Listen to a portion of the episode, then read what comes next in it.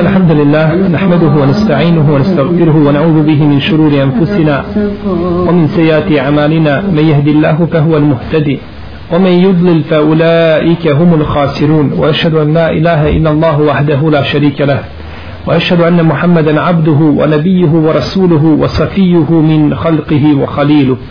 أدى الأمانة وبلغ الرسالة. ونصح الأمة وكشف الله تعالى به الغمة وجاهد في الله حق جهاده حتى أتاه اليقين. يا أيها الذين آمنوا اتقوا الله حق تقاته ولا تموتن إلا وأنتم مسلمون.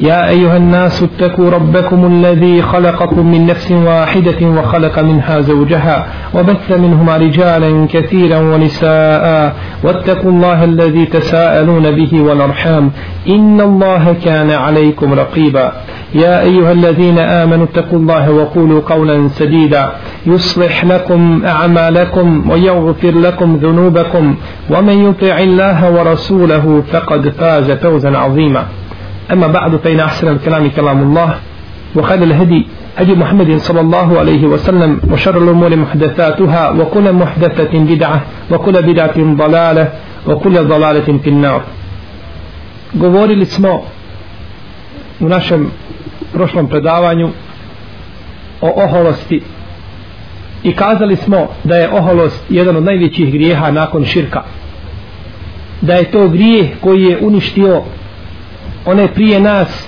i uništit će one poslije nas. Grijeh za koji uzvišeni Allah te barake o teala strogo kažnjava.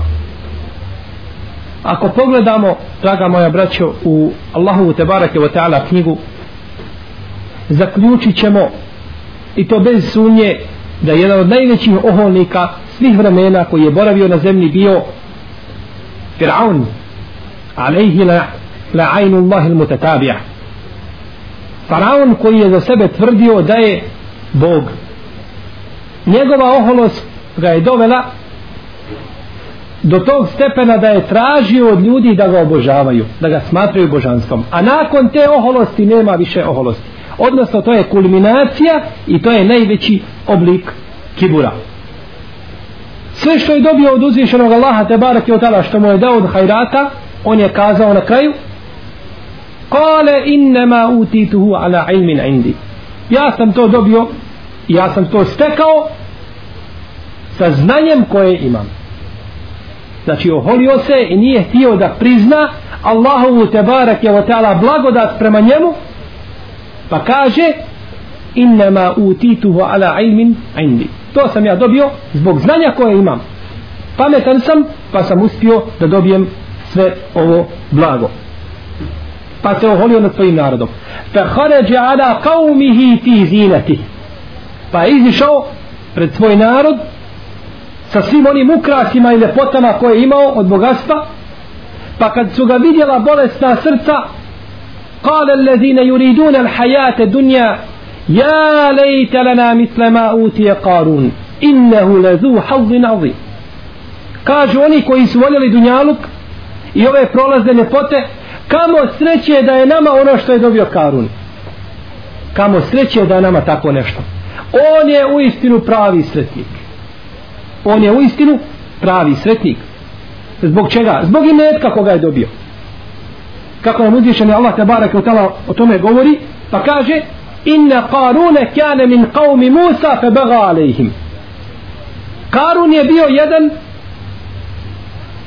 od sledbenika ili od Musava naroda fe baga alejhim pa im je učinio nepravdu i zulum وآتيناه من الكنوز ما إن مفاتحه لتنوء بالعسبة وللكوة إذ قال له قومه لا تفرح إن الله لا يحب الفرحين a mi smo mu dali od imetka i bogatstva da jedna jaka velika skupina ljudi nije mogla da ponese samo ključeve njegovih odaja i njegovih riznica. Kada mu je njegov narod kazao nemoj se radovati nemoj se pretjerano radovati Allah ne voli one koji se raduju. Ne voli Allah one koji se raduju a u isto vrijeme su mu oholnici. A vjernici treba da se raduju. Znači Firaun je bio jedan od najvećih okol, oholnika i zato je imao, braćo moja, takav završetak. Da ga je Allah te bareke od tala potopio na očigled Benu Israila i sačuvao njegovo tijelo da bude pouka onima koji slijede i koji dolaze nakon, nakon njega. Bileži ima Mahmed u svome musnedu sa dobrim lancem prenosilaca od Ebu Seleme ibn Abdurrahmana ibn Aufa da je rekao sreli su se na mervi Abdullah ibn Omar i Abdullah ibn Amr ibn Laas pa su sjeli jedno vrijeme i pričali. Pa se okrenuo Abdullah ibn Amr ibn Laas i otišao a ostao je Abdullah ibn Omar da sjedi i dalje. Pa je počeo plakati. Pa mu je došao čovjek i rekao o Ebu Abdurrahmane to jeste Abdullah ibn Omar kaže šta te je to rasplakalo zbog čega plaćeš pa je rekao zame sahibi أن النبي صلى الله عليه وآله وسلم قال من كان في قلبه مثقال حبة من خردل من كبر أكبه الله على وجهه في النار kaže rekao je ovaj moj prijatelj to jeste Abdullah ibn Amr ibn Las da je poslanik sallallahu alaihi wasallam kazao onaj u čijem srcu bude i najmanji dio oholosti. Allah će ga Đelešanu na sudnjem danu baciti u njegovo lice potom će ga uvesti u vatru džehnemsku i nakon toga zbog tih riječi Abdullah ibn Omar radijallahu ta'ala anhu je zaplakao. Zaplakao je Abdullah ibn Omar zbog tih riječi jer je znao kakva kazna pripada čovjeku koji se oholi na zemlju Bileži imam Tabarani u svome Al-Muađemu Leusatu. Sa dobrim lancem prenosilaca da je poslanik sallallahu alaihi wa sallam rekao Selatu muhlikat. Tri stvari uništavaju ljude. Tri stvari uništavaju ljude. Šuhun muta. Ona okorjela i zagrižena škrtost. Kada je čovjek škrt njegova duša škrta i on se pokori svojoj duši. Toga uništava. وهوى متبع i strast koja se slijedi kada čovjek slijedi strasti svoje duše wa i'jabu al-mar'i bi nafsi i da čovjek bude sam sa sobom zadivljen to jest da se oholi jer smo govorili kada smo spominjali samodopadanje kazali smo da se čovjek neće nikada sam sebi dopasti i sam sobom zadivljen biti dok prije toga ne bude šta Oholo. I spominjali smo u vezi toga riječi šehol Islama ibn Kajima, ibn Hibbana, šehol Islama ibn Tajimije i drugi.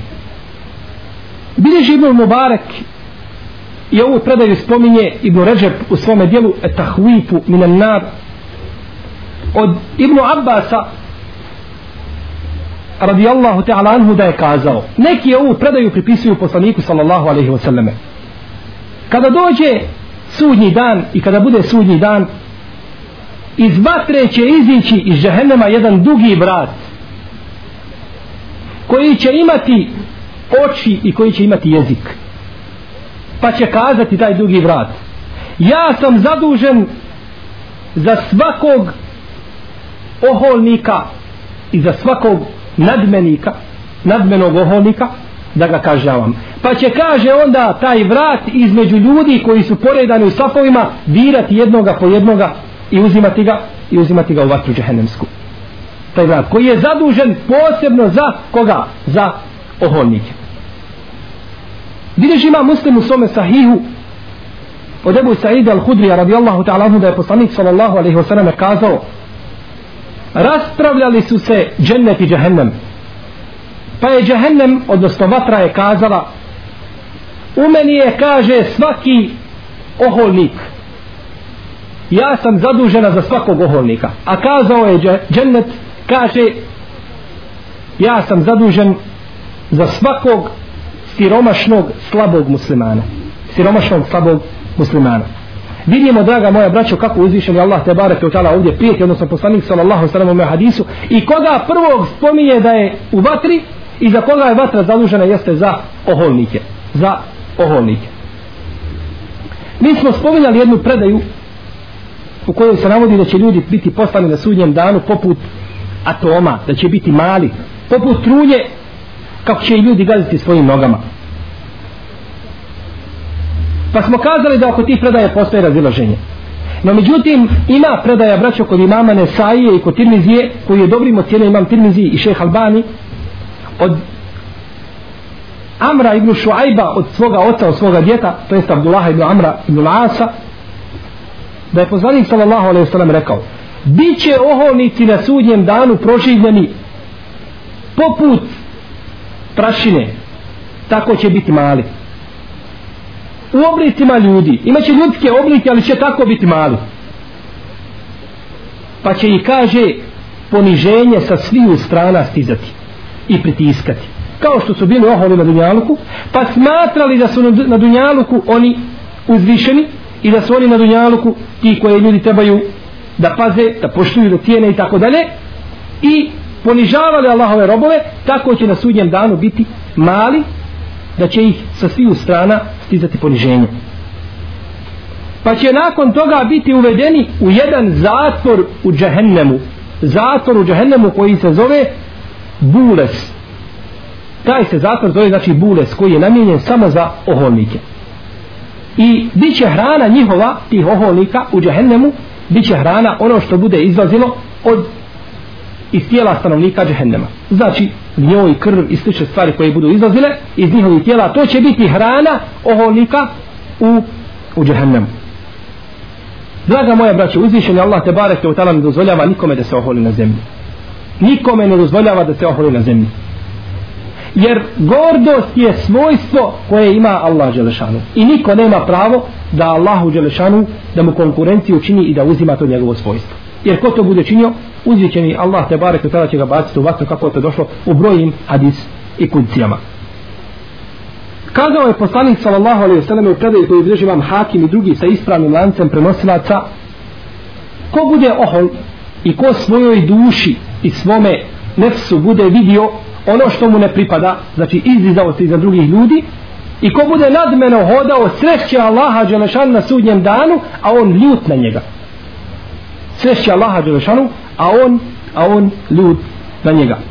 U jednoj predaji koju bliži Mamel Bezar, sa dobrim lancem prenosila ta, kako kaže Mamel Munziri i Šeh Albani, od Enesa da je poslanik sallallahu alaihi sallam rekao, Leulem tuznibu lehašitu alejkum ma huwa ekber min zalik. Ala uđbul uđb. Kada vi ne biste činili grijehe kada ne biste bili griješnici ja bi se za vas bojao onoga što je gore od toga. A to je el uđb to je samo dopadanje koje je bilo prouzročeno čime? ohološću. Zato imam braću Šafija govorio kako bilježi imam El Bejheti u svom dijelu Šobol Iman kaže imam Šafija oholost je grijeh koji je sakupio sve loše sva loša svojstva i sve loše osobine to je najgori grijeh i ne pomaže sa ohološću dobro djelo po imamu šafi onaj ko čini dobro djelo a ohol je to ne pomaže mu kod Allaha Đelešanu zato je Muhammed ibn Sirin Muhammed ibn Sirin poznati tabin Ansari al-Basri koji je umro 110. hijđarske godine a bio je jedan od najbliskijih osoba Enes ibn Maliku, poznatom ashabu. Kazao je Muhammed ibn Sirin, onaj kaže čiji grijeh bude oholost. Bojim se, kaže, da mu Allah Đelšanu nikada neće oprostiti. A onaj čiji grijeh bude šehveta i ta duševni, taj duševni prohtjev, kaže tako on će inša Allah htjela Allah oprosti. Pa navodi dokaze i primjere za to. Kaže grije šetana je bio šta? Oholost. On je oholio se i odbio Allahovu Đelešanu naredbu. Odborio, odbio da se pokori. Pa ga je Allah Đelešanu prokleo i učinio ga prokletim do sudnjeg dana. I nikada nećete ovdje doći. Dok je Adem a.s. naš otac njegov grijeh je bio šta? Šehveta i prohtjev. Pa je prišao onome drvetu iz prohtjeva svoje duše. Pa poje ono što mu je Allah žalno zabranio. Pa mu je Allah žalno oprostio.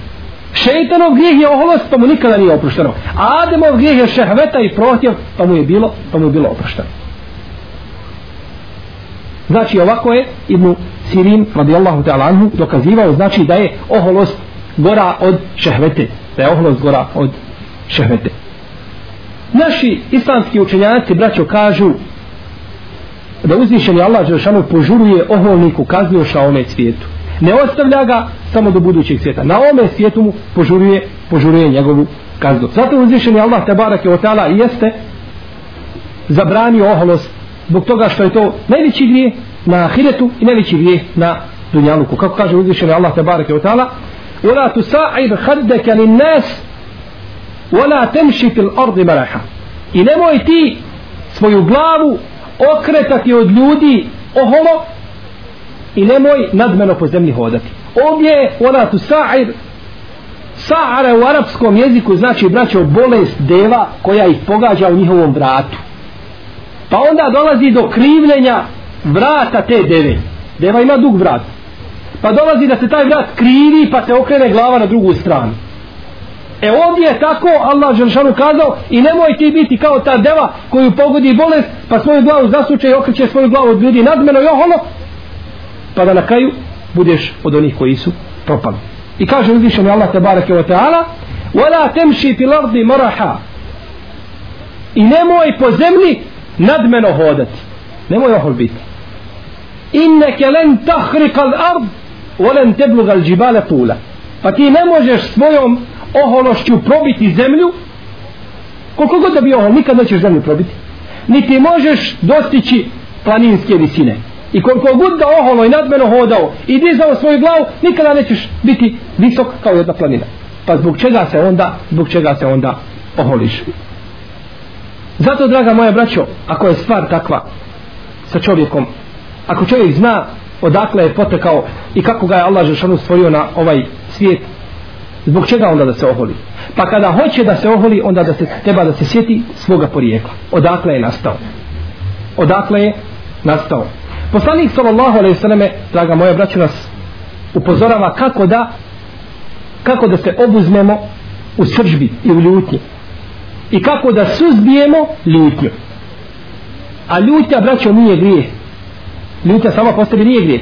Ako ta ljutnja nema loših posljedica. Pa šta mislite onda o oholosti? Zato kaže poslanik sallallahu alejhi ve sellem u predaji koji bliži vam Abu Davud i Imam Ahmed Kada se neko od vas naljuti, a on stoji, neka sjedne. Pa ako ode njegova sržba, dobro je. A ako ne ode, kaže neka se neka se izvrne, neka leže. Neka leže da tako ode sržba prije njega. Ovo je poslanički lijek kako da se čovjek braćo liječi riješi ljutnje. Došlo je u pojedinim hadisima kada je čovjek ljut šta da uradi. Prvo se navodi da treba čovjek da prouči E'uzu da traži utočište od Allaha te barak od od prokletog šeitana koji ga nagovara da bude ljut. Jer šeitan voli ljutnju. Jer ljutnja ne donosi osim zlo. Mislimo na ljutnju koja nije vezana za vjeru. Koja nije iz vjerskih povoda.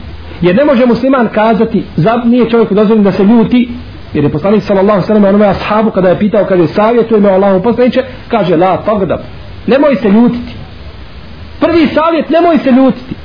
No međutim, kako nemoj se ljutiti? Nemoj se ljutiti zbog stvari čija ljute ne pomaže. No međutim, može on li danas kazati, židovi su ušli u kudz i muslimani su u poruženju i mi se nećemo ljutiti. Jer nije dozvoljeno da se ljutimo. Ne, tu je ljutnja i badet. Jer je poslanik sallallahu alaihi sallam kada bi mu neko nešto rekao vezano za vjeru i uvrijedio vjeru ili kazao nešto što nije trebao kazati, onda se kaže da bi se zajapurilo njegovo lice i bilo sve crveno. Znači ima vrijeme kada se čovjek treba ljutiti, a ima vrijeme kada ne treba. Ovdje se govori o onim vremenima kada ljutnja, kada je bolje da se čovjek ne ljuti. Kada ta ljutnja nema svoga ploda. Znači treba da prouči a uzu da traži zaštitu od uzvišenog Allaha te barake od prokletog šeitana. Druga stvar koju čovjek treba da učini jeste da se abdesti. I ovo se navodi u brojnim hadisima, ali svi su slabi. Slabi su hadisi, nisu vjerodostojni, ali se to prenose u skupine selepa naših prvih generacija koje su tako postupali, tako govore, kada se čovjek razvijeti treba da se abdesti. Pa vjerovatno da je njihov postupak ovdje proizišao iz prakse da su znači primijenili to pa vidjeli da to pomaže iako se to znači ne može 100% smatrati jeli, sunnetom. Treća stvar koju čovjek treba na koju treba dobrati pažnju to je da što manje priča kada je ljut. Jer čovjek kada je ljut kazat će riječ koja se možda ne bi trebala kazati ili je ne bi kazao da nije bio ljut. Jer islamski učenjaci braćo kažu da je riječ kao veliki bik koji iziđe iz male rupe. Kad iziđe nikad te više ne može u nju vratiti. Jer kao dijete kada iziđe iz majčine utrobe kad u, iziđe nikad se više u nju ne može vratiti gotovo je. E tako i riječ. Riječ kada iziđe i kada se kaže gotovo je. Tada čovjek biva pitan za nju. Zato poslanik sallallahu alejhi ve selleme kaže neđa men samet. Neđa men samet. Uspio je onaj ko šuti. Jeste li braćo ikada vidjeli čovjeka koji šuti da se pokajao? Nikada. Uvijek se pokaje onaj šta koji priča. A naročito onaj koji šta? Ne kontrolisano priča. On se naročito kaje. Zato je šutnja vrijedna zlata. I navodi se od naših prvih generacija da su govorile onaj ko bude šutao puno Allah Želešanu će ga obskrbiti hikmetom i mudrošću. Četvrta stvar braćo ako ne ode od čovjeka ljutnja i sržba znadete li braćo šta je sunet poslanika sallallahu alaihi šta da čovjek učini? Sve je to primijenio nije ošla ljutnja. Kada treba svoj obraz da spusti na zemlju? Svoj obraz da spusti na zemlju. Zašto? Da se sjeti svoga porijekla. Ti se oholiš sa svojom glavom i sa svojim tijelom. E spusti sad taj, taj svoj obraz najčasniji dio koji smatraš kod sebe ili jedan čas najčasnijih dijelova. Spusti ga na zemlju i sjeti se porijekla svoga od te zemlje. Pa se nemoj ljutiti nemoj se srditi jer uzvišen je Allah te barek i tala može se na tebe naljuti da srditi pa ćeš onda imati ružnu pa ćeš onda imati ružnu konačnicu. Došlo je u predaj koji bilježi ima Muslim ibn Hibban i drugi da je poslanik sallallahu alaihi wasallam kazao jednom čovjeku koji je jeo lijevom rukom. Jedi kaže desnom rukom. Pa je rekao ne mogu ne mogu jesti kaže ravija hadisa nije ga spriječilo ništa nego oholost. Nije htio da se pokori narodi poslanika sallallahu sallam oholost. Pa je rekao poslanik da Bog da ne mogao. Da Bog da i ne mogao. Pa kaže ravija hadisa pa je nikada više nije mogao dići do svojih usta. Odmah se njegova ruka osušila. To je braće oholost. To se zove u šarijetu oholost.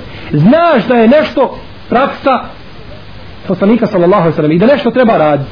I nakon toga kažeš neću to je oholost. Ne oholost znači ne treba nijet. Da čovjek kaže e sad nijetim da bude mohol a sad ne nijetim da bude mohol takvo djelo je oholost samo po sebi. To je završeno. Zato ne podržavamo muslimane koji kažu kada mu kaže sunnet je tako i tako on kaže ja to sebi nikada ne bi dozvolio. Jer znaš šta si kazao ta, tim svojim riječima? Kazao si ja sebi nikada ne bi dozvolio da budem sledbenik Muhammeda sallallahu alaihi sallam. I nikada sebi ne bi dozvolio da budem stanovnik dženneta pa čiji ćeš onda stanovnik biti? I čiji ćeš sledbenik biti ako nećeš biti sledbenik poslanika Muhammeda sallallahu alaihi wa sallam? Ako ne možeš nešto činiti ili se djeluje tebi tvome razumu da nešto ne paše onda šuti. Pa gledaj i moli Allaha Đelšanu da ti olakša ali da čovjek kaže sebi ja sebi nikada ne bi dozvolio da praktikujem jedan sunnet to su jako opasne stvari. Bojati se da Allah što ne zapečati tako srce i onda više htio ili ne htio da praktikuje neće više nikada moći praktikovati ono što je poslanik sallallahu sallam naredio da se čini ili on sam to činio. Naravno ovdje kada sam spomenuo ovaj hadis možda ima među nama neko ko koristi lijevu ruku. Ovo se odnosi braća na čovjeka koji može a neće. Onaj koji je sve pokušao da se nauči da jede desnom rukom pa nije uspio ne može nikako taj, to je druga stvar. Kakav ima prodanje ali sve uložio. Iako sumnjam da može čovjek kazati to ne može naučiti jer to nije nikakav problem to se može znači riješiti. Jer braći u četiri slučaja čovjek nije dozvoljeno da koristi lijevu ruku.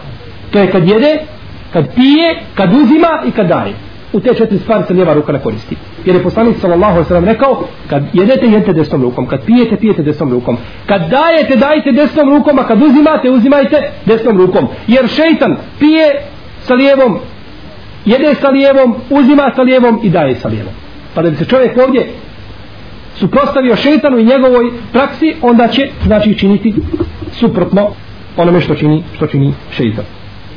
Bilježi imam Bejheqi braća u svome dijelu El Medhalu fi sunanim kubra. Od Omara ibn Khattaba radijallahu ta'ala anhu da je kazao ko bude ponizan ko se znači riješi oholosti takvog će Allah Želešanu učiniti da bude kod njega veliki da bude u očima ljudi veliki a ko bude ohol i nadmen.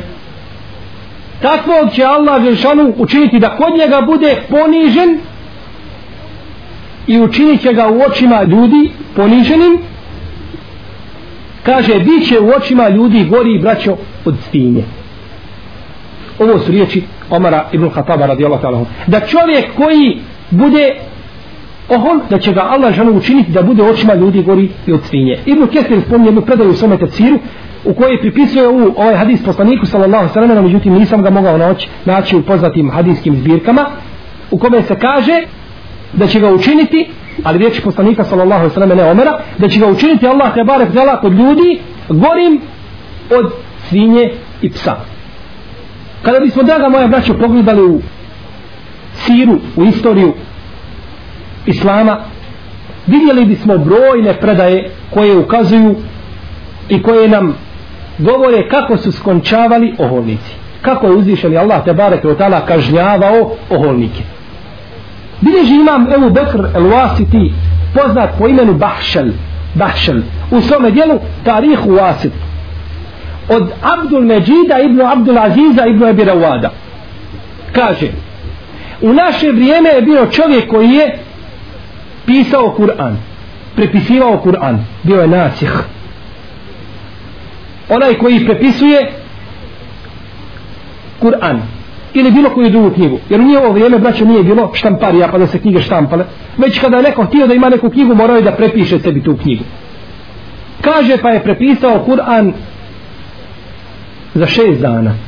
Upitali su ga kaže za koliko je dana prepisao Kur'an? Kaže za šest dana i kaže nisam se umorio nisam se umorio šta hoće kazati hoće kazati da će ono što je Allah šanu kazao وَلَكَدْ خَلَقْنَ السَّمَاوَاتِ وَالْأَرْضِ fi sitteti ejam oma mesena min lugub i mi smo stvorili nebesa i zemlju za šest dana i nismo se umorili pa on hoće kazati ja sam prepisao Kur'an i nisam se umorio oholnik ovo je braćo najveći vid oholosti i ovo je ciljajući ovaj ajet kufuru Allaha Đelešanu da sebi čovjek uze svojstvo Allaha Đelešanu. Čovjek da kaže jednu riječ to zahtjeva njegov umni i fizički trud. I to je već umor. Jer se umor definiše da je to ili rad se definiše da je to umno ili fizičko naprezanje tijela. I znači ti se već umorio jednu riječ dok kažeš. Možda to ne osjetiš ali to je umor. Allah Đelešanu ništa od toga nije podlo. Kaže ono, milnu gub ama baš nimalo i nikakav umor. Ništa uzmite koliko je Allah Želešanu dao ljudima od stvaranja nebesa i zemlje do današnjih dana. I koliko će im dati do sudnjega dana. Koliko im je hrane dao vode, vazduha hajrata i dobra svega što su ljudi uništili. To od Allahove Želešanu moći braćo nije umanjilo nikoliko kada se igla umoći u more pa kada izvadiš ona bude onako suha. Ništa, ništa od Allahove Želešanu moći to nije umanjilo. Ali on sebi ovdje pripisuje Allahu Đelšanu svojstvo. Pa kaže ovaj ravija Abdul Međid ibn Abdul Aziz ibn Abdulawad pa mu se kaže njegova ruka usušila istog momenta istog se momenta kaže njegova ruka usušila i nikad kaže više sa njim jednog harfa napisao nije e sada vidi hoćeš li se umoriti ili se nećeš umoriti pogledaj kada sebi pripišeš Allahu Žešanu svojstvo. Ovo je braća kazna istog momenta, istog momenta na dunjalu.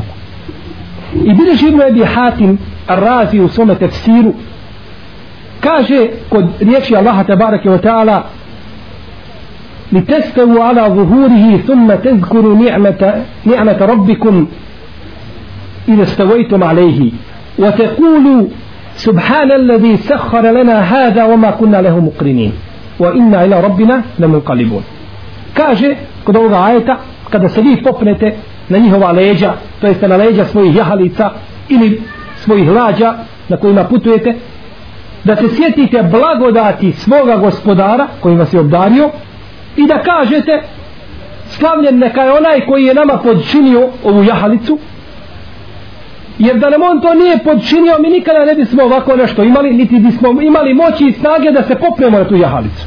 Da ti Allah nije dao razum i snagu tijela su da li bi sigurno čovjek mogao popeti jahalicu nikada. I da kažete mi se našem gospodaru vraćamo. Kaže Muđahid bili smo jedne prilike na putu pa smo proučili ovaj ajet kada smo sjeli na jahalicu no međutim jedan čovjek je kaže imao jako slabo neugojeno magare. Koje je jahao? Pa kad se popeo kaže ja neću kazati kaže ovu dovu jer kaže ja sam se kaže mogao na ovo kaže mršavo kaže popeti kaže i bez ičije moći i bez ičije pomoći. Nemam potrebe ja nemam ugojenu jahalicu koji ili, pa je kazao kaže ja nemam potrebe da kažem tu dovu niti je hoću reći kaže muđahid pa je njegova jahalica krenula. Kaže pa je počela kaže ići sve brže i brže. I bila je kaže najbrža od svih i kaže počela je skakati kaže dok ga nije bacila i dok nije kaže pao na glavu i dok kaže nije slomio i dok nije slomio vrat. Pa istog momenta nećeš kazati dove Allahova dželešanu blagodat najveća blagodat je jahalica.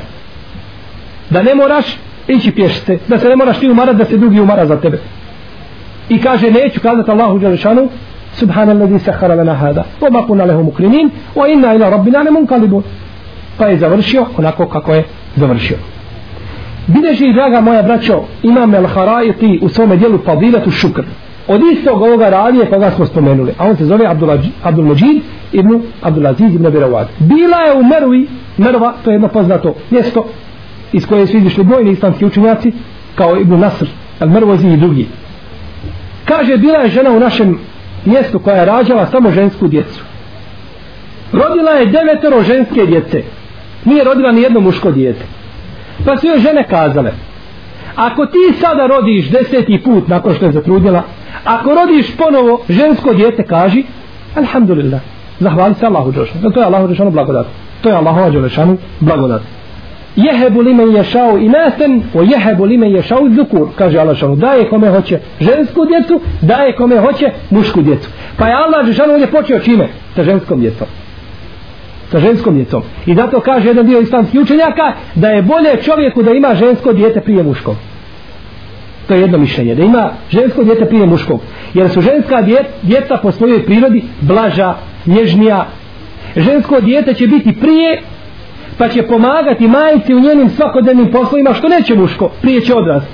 A muško djete će gledati kako ta njegova sestra pomaže majici njegovoj, pa će se ugledati, pa će i ono biti u dobročinstvu kao i sestra, jel tako? Dok ako bude prvo muško djete, onda stvari možda idu malo drugačije. To je znači jedno od mišljenja. Pa kaže ovdje, daje kome hoće, ali što daje kome hoće žensku djecu, daje kome hoće mušku djecu. To je Allah što blagodat. I to ne mogu ljudi odlučivati. Allah daje šta hoće i kome hoće. I kako hoće. I koliko hoće. Pa kaže, reci, kaže, alhamdulillah. Kaže, tako mi Allaha. Ako i sada rodim žensko djete, neću kazati alhamdulillah. Šta je to? Oholost. Neću zahvaliti. Allah ti dao djete, muško ili žensko, to je sve jedno. Možda ti žensko djete bude veći dobročinitelj nego muško. Možda ćeš poželjeti da nikad nisi imao to muško djete. Pa kaže, neću kazati alhamdulillah. Pa kaže ravija hadisa, kaže pa je rodila ono što je rodila. Kaže pa je moja majka ušla kod nje, pa kaže vidjela je, kaže da je rodila svinji. Imala je, kaže, odjeću i svojom odjećom je pokriva i kaže majka je, kaže, ispod odjeće vidjela da je to svinja. Pa je živjela tri dana pa je umrila pa se ukupala. Svinju je, kaže, rodila. Pogledajte, draga moja braćo, kako kada se čovjek oholi nad Allahom i Đelšanu blagodatima, kako ga uzvišenje Allah šano kazi. A koliko se ljudi svjesno ili nesvjesno oholi pa ne zahvali Allahu Đelešanu na svakoj blagodat koju ima.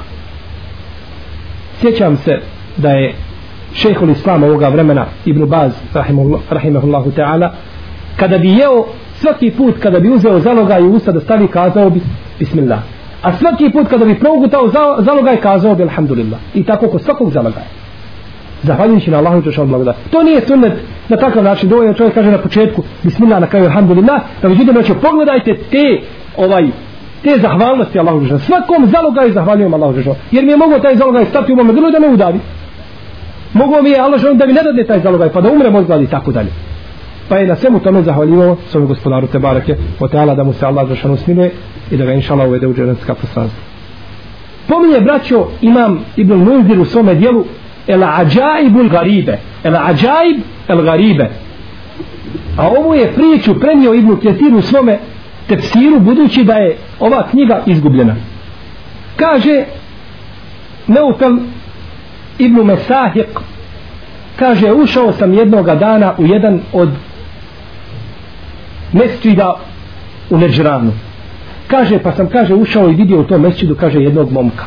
Kaže pa sam stao i gledao u njega i počeo se kaže diviti njegovoj visini njegovoj ljepoti kako ga je Allah žanu tako skladno stvorio tako lijep, tako visok tako stasan pa sam se kaže počeo diviti njemu. Kaže pa je vidio da ja gledam u njega i kazao o Allahov robe zbog čega gledaš u mene? Kaže gledam u tebe i divim se tebi kako te Allah Žešanu lijepo stvorio kako si lijep, kako si visok. Pa mu je rekao ovaj mladić ovaj oholnik bezobraznik, zločinac kaže u istinu se kaže uzvišeni Allah meni divi Allah koji me je stvorio kaže on se meni divi. Allah koji ga je stvorio da se on divi jednom takvom biću. Kaže ovaj čovjek pa je ostao sa mnom u džamiji. Kaže pa se je počeo smanjivati. Kada god pogledam kaže u njega bio bi manji i manji. Smanjivao se kaže dok mu nije kaže bila njegova visina samo jedan pedalj. Samo jedan pedalj. Kaže pa je nakon toga došao jedan od njegovih rođaka i kaže uzeo ga i stavio ga u svoj rukav i iznio ga iz džamije i otišao. U svoj ga rukav stavio. Vidite braćo kako Allah Đelšanu kako kazni. I to na način čime se čovjek oholio Allah Đelšanu sa tega strane kazni. Pa ko će ti se sada diviti ko će ti se sada diviti spominje imam sujuti pa ovaj se priša navodi u teciru Đelalejni, da se spominje kod reči Allaha Đelešanu kul araeitum min aspaha ma'ukum gauren. Teme je tikum bima'in ma'in a šta mislite kada bi zemlja svu vodu u svoju utrobu povukla? Ko bi vam došao sa pitkom vodom? Allah šanu pita ljude da razmisle ljudi. Kada bi Allah šanu dao da zemlja uvuče vodu u sebe ko bi vam to došao sa pitkom vodom? Kaže jedan od otih koji je tu bio prisutan rekao je kaže el fuusu wal ma'awil. El fuusu wal ma'awil. Fuus je množina, množina od riječi pes što znači sjekira.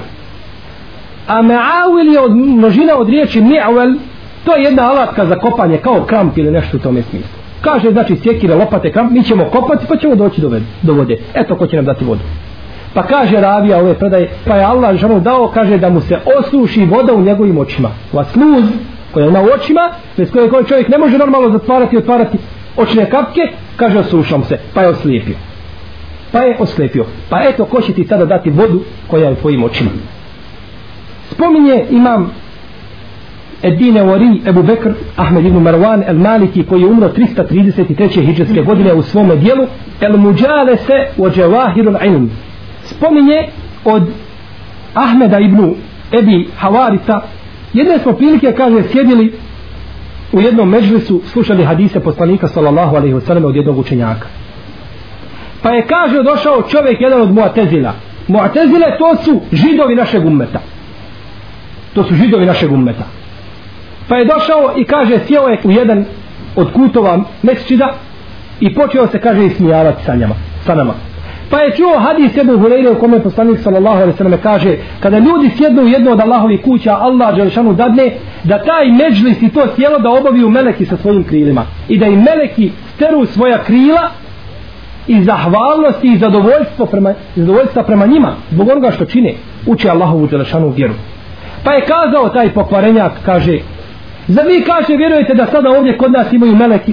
Pa su kazali vjerujemo. To su riječi poslanika sallallahu sallam koji ne govori svojih prohtjeva. Kaže je dobro kada je tako kaže ja ću vam pokazati. Pa je otišao kući i obuo jedne nanule u koje je nasuo tinte. Pa je došao u džamiju i isprobijao te nanule. Pa je počeo hodati oko tog međusa kaže ako je tako kaže da napunim njihova kaže krila sa tintom kaže. Pa nek se vrate kaže u nebesa obojanih krila. Tako se ismijavao sa sunnetom poslanika sallallahu alaihi wa alaihi wa sallam. Pa je otišao kući. A svaki dan je tako dolazio i uznemiravao one koji su, koji su poučavali se iskrenom i ispravnom znanju. Kaže pa je otišao jedan dan, dva dana, tri dana, nema ga sedmicu dana. Kaže pa smo otišli da vidimo šta je sa njim. Kaže, našli smo ga, kaže da je sve meso potpadalo sa njegovih stopala. Meso otišlo sa njegovih stopala, samo kosti ostale. Možete brati zamisliti kako je to ružan prizor. Da je čovjek živ, a da je kostur. I ti je živ, niti je mrtav. Pogledajte kako uzvišen je Allah te barek je utala kažnjava, kažnjava oholnike. I mi smo spominjali prethodno predaju koju je zabilježio i koji spominje imame Neovi u svome dijelu Bustanu na Arifin da je bio u vrijeme imama Neovija da je bio čovjek ili prije njega da je živio čovjek koji je imao sina koji je bio pokoran Allahu Đelšanu i poslaniku sallallahu alaihi sallam i koji je sticao znanje imao svoga šeha kod koga je odlazio na predavanje. Jednoga dana kada se je vratio sa predavanja šejh mu je dao misvak. Dao mu je misvak za koji postoji oko stotinu hadisa poslanika sallallahu alaihi wasallam pa kada se je vratio kući njegov babo ga je pitao kaže šta je to što ti je dao šejh šta to nosiš u ustima? Kaže ovo je misvak čistim zube naređeno sunnetom poslanika sallallahu alaihi wa sallam. Pa kaže daj to vamo. Pa je uzeo taj misvak i stavio ga u svoj stražni dio tijela. Kaže ovo ne vrijedi nigdje nego za ovdje. Pa Hoće kazati takav je i sunnet sav i takva je vjera. To je najveća vrsta oholosti to je najveća vrsta oholosti nema, post, nema sumnje da je ovaj postupak kupur nedjelstvo ako je znao ako je znao da je misvak ako je znao da je misvak sunnet poslanika sallallahu alaihi wa alaihi wa sallam. Pa je iskušan sa bolešću. Počeo je njegov stomak da se nadima i da raste. Devet mjeseci devet mjeseci njegov stomak raste. U devetom mjesecu jel kada biva porod rodio je jednu životinju. Životinju koja je imala velike uši i velike rogove i dug red pa je došla njegova starija kćerka i bacila jedan veliki kamen na njega na tu životinju i ubila je. Životinju je znači bacila kamen ubila je pa je i taj babu njezin umro nakon kratkog vremena kako ga je Allah Želšanu kaznio na isti način tamo gdje si stavio taj nistak e s tog mjesta istog ćeš biti kažnjen. I bit ćeš ponižen. I ostaju onda te predaje da se spominju do sudnjega dana da se vidi kako su oholnici kako su oholnici završavali. Spominje šehr Islam ibn Kajim u svom dijelu i Gasatu Lehfan od Al-Walida ibn Abdul Melika jednog islamskog vladara koji je umro 96. hijđarske godine koji je proširio mesrid poslanika sallallahu alaihi wasallame i sagradio je mesrid u Dimašku brinuo se o brojnim siromasima otvarao je brojne zemlje, vodio džihad i tako dalje. No međutim bio je šta? Bio je ohol. Bio je okolnik I takvi su bili mnogi. Možda su sprovodili Allahove dželšanu zakone, ali on u sebi bio ohol. Oholio se. Pa je čitao ajete Kur'ana. I svaki ajet, otvorio bi Kur'an, i svaki ajet koji pročita, kaže ovaj ajet je objavljen zbog mene. Ovo je mene objavljen. Ne njemu, ali je povodom njega objavljen. Pa svaki ajet pročita, kaže ovo je meni objavljen. Ovo se odnosi na mene. I svaki bi ajet uvrne ga, s obadije strane i usruče ga da dokaže ljudima kako stoji ipak jednim i drugim putem odnosi da je to objavljeno povodom njega pa jednog dana otvorio Kur'an i pročitao riječi Allaha te barake wa ta'ala وَاسْتَفْتَحُوا wa كُلُّ kullu عَنِيدٍ i poslanici su tražili pomoć od Allaha Đelešanu i uistinu je propao svaki oholnik i svaki nadmenik pa kada je to pročitao nije mu se dopao taj ajet znači on nije poslanik, znači da je on oholnik nadmenik. Pa je kazao, znači ovo je za mene objavljeno, da sam ja propao. E kaže, ako je tako, dajte mi, kaže Kur'an. Pa je pocijepao, potrgao Kur'an svojim rukama. I kazao je, e Kur'anu, kada ga je potrgao, kaže, sada kad dođeš pred Allaha na sudnjem danu, kad te bude pitao, ko te je potrgao, reci, potrgao je me, El Walid ibn Abdul Malik. Tako mu kaže. Pogledajte, braćo, oholost. Pa je nakon kratkog vremena ušla skupina ljudi u njegov dvorac pa su ga potrgali i raskomadali onako kao što on pokidao Kur'an i razapeli ga po njegovoj palači i po njegovim dvorcima pa je ostao tako razapet raskomadan stav u komadi tako ga uzvišeni Allah te barake od kaznio inače braćo Ibn Kajim u svome dijelu Ruh duša spominje od e, Amra Ibn Imuna kaže čuo sam kaže Omara Ibn Abdulaziza da je rekao bio sam kaže od onih koji su spustali El Walida ibn Abdul Melika ovoga vladara u kabur spustali su ga kaže spustali smo ga u kabur kaže kada smo ga spustili kaže njegove koljena su se kaže presukala do njegovog kaže brata i do njegove brade njegova koljena pa je njegov sin kazao tako mi gospodara Kjabe kaže moj babo je živ. Moj babo je živ. Pa mu je kazao Omer ibn Abdulaziz, kaže tako mi gospodara Kjabe tvom je babi požurena kazna. Ne čeka se da se zatvori kabur. Nije Allah žel neće čekati im da se kabur zatvori. Dok je staviti u kabur već mu je počela kazna. Pa je bio kaže pa se kaže da je Omer Ibn Abdulaziz radijallahu ta'ala anhu nakon toga uvijek se prisjećao ovoga događaja imao veliki strah. Bojao se znači onoga što je vidio. Jer je to znači dokaz znači kabulskog azaba i onoga što se dešava naročito onima koji bivaju koji bivaju oholi na zemlji. I bileži imam Ibn Abi Dunja u svom djelu El Okubat od Ibn Mesauda radijallahu ta'ala anhu da je kazao kaže bio je kod bio je kod Benu Israila čovjek kralj, vladar koji je bio nadmen i ohol. Pa je jednog dana kazao gledao je u prisutne i kazao kaže ne vidim da je danas iko uzvišeniji i počašćeniji od mene. Ja sam najbolji čovjek danas.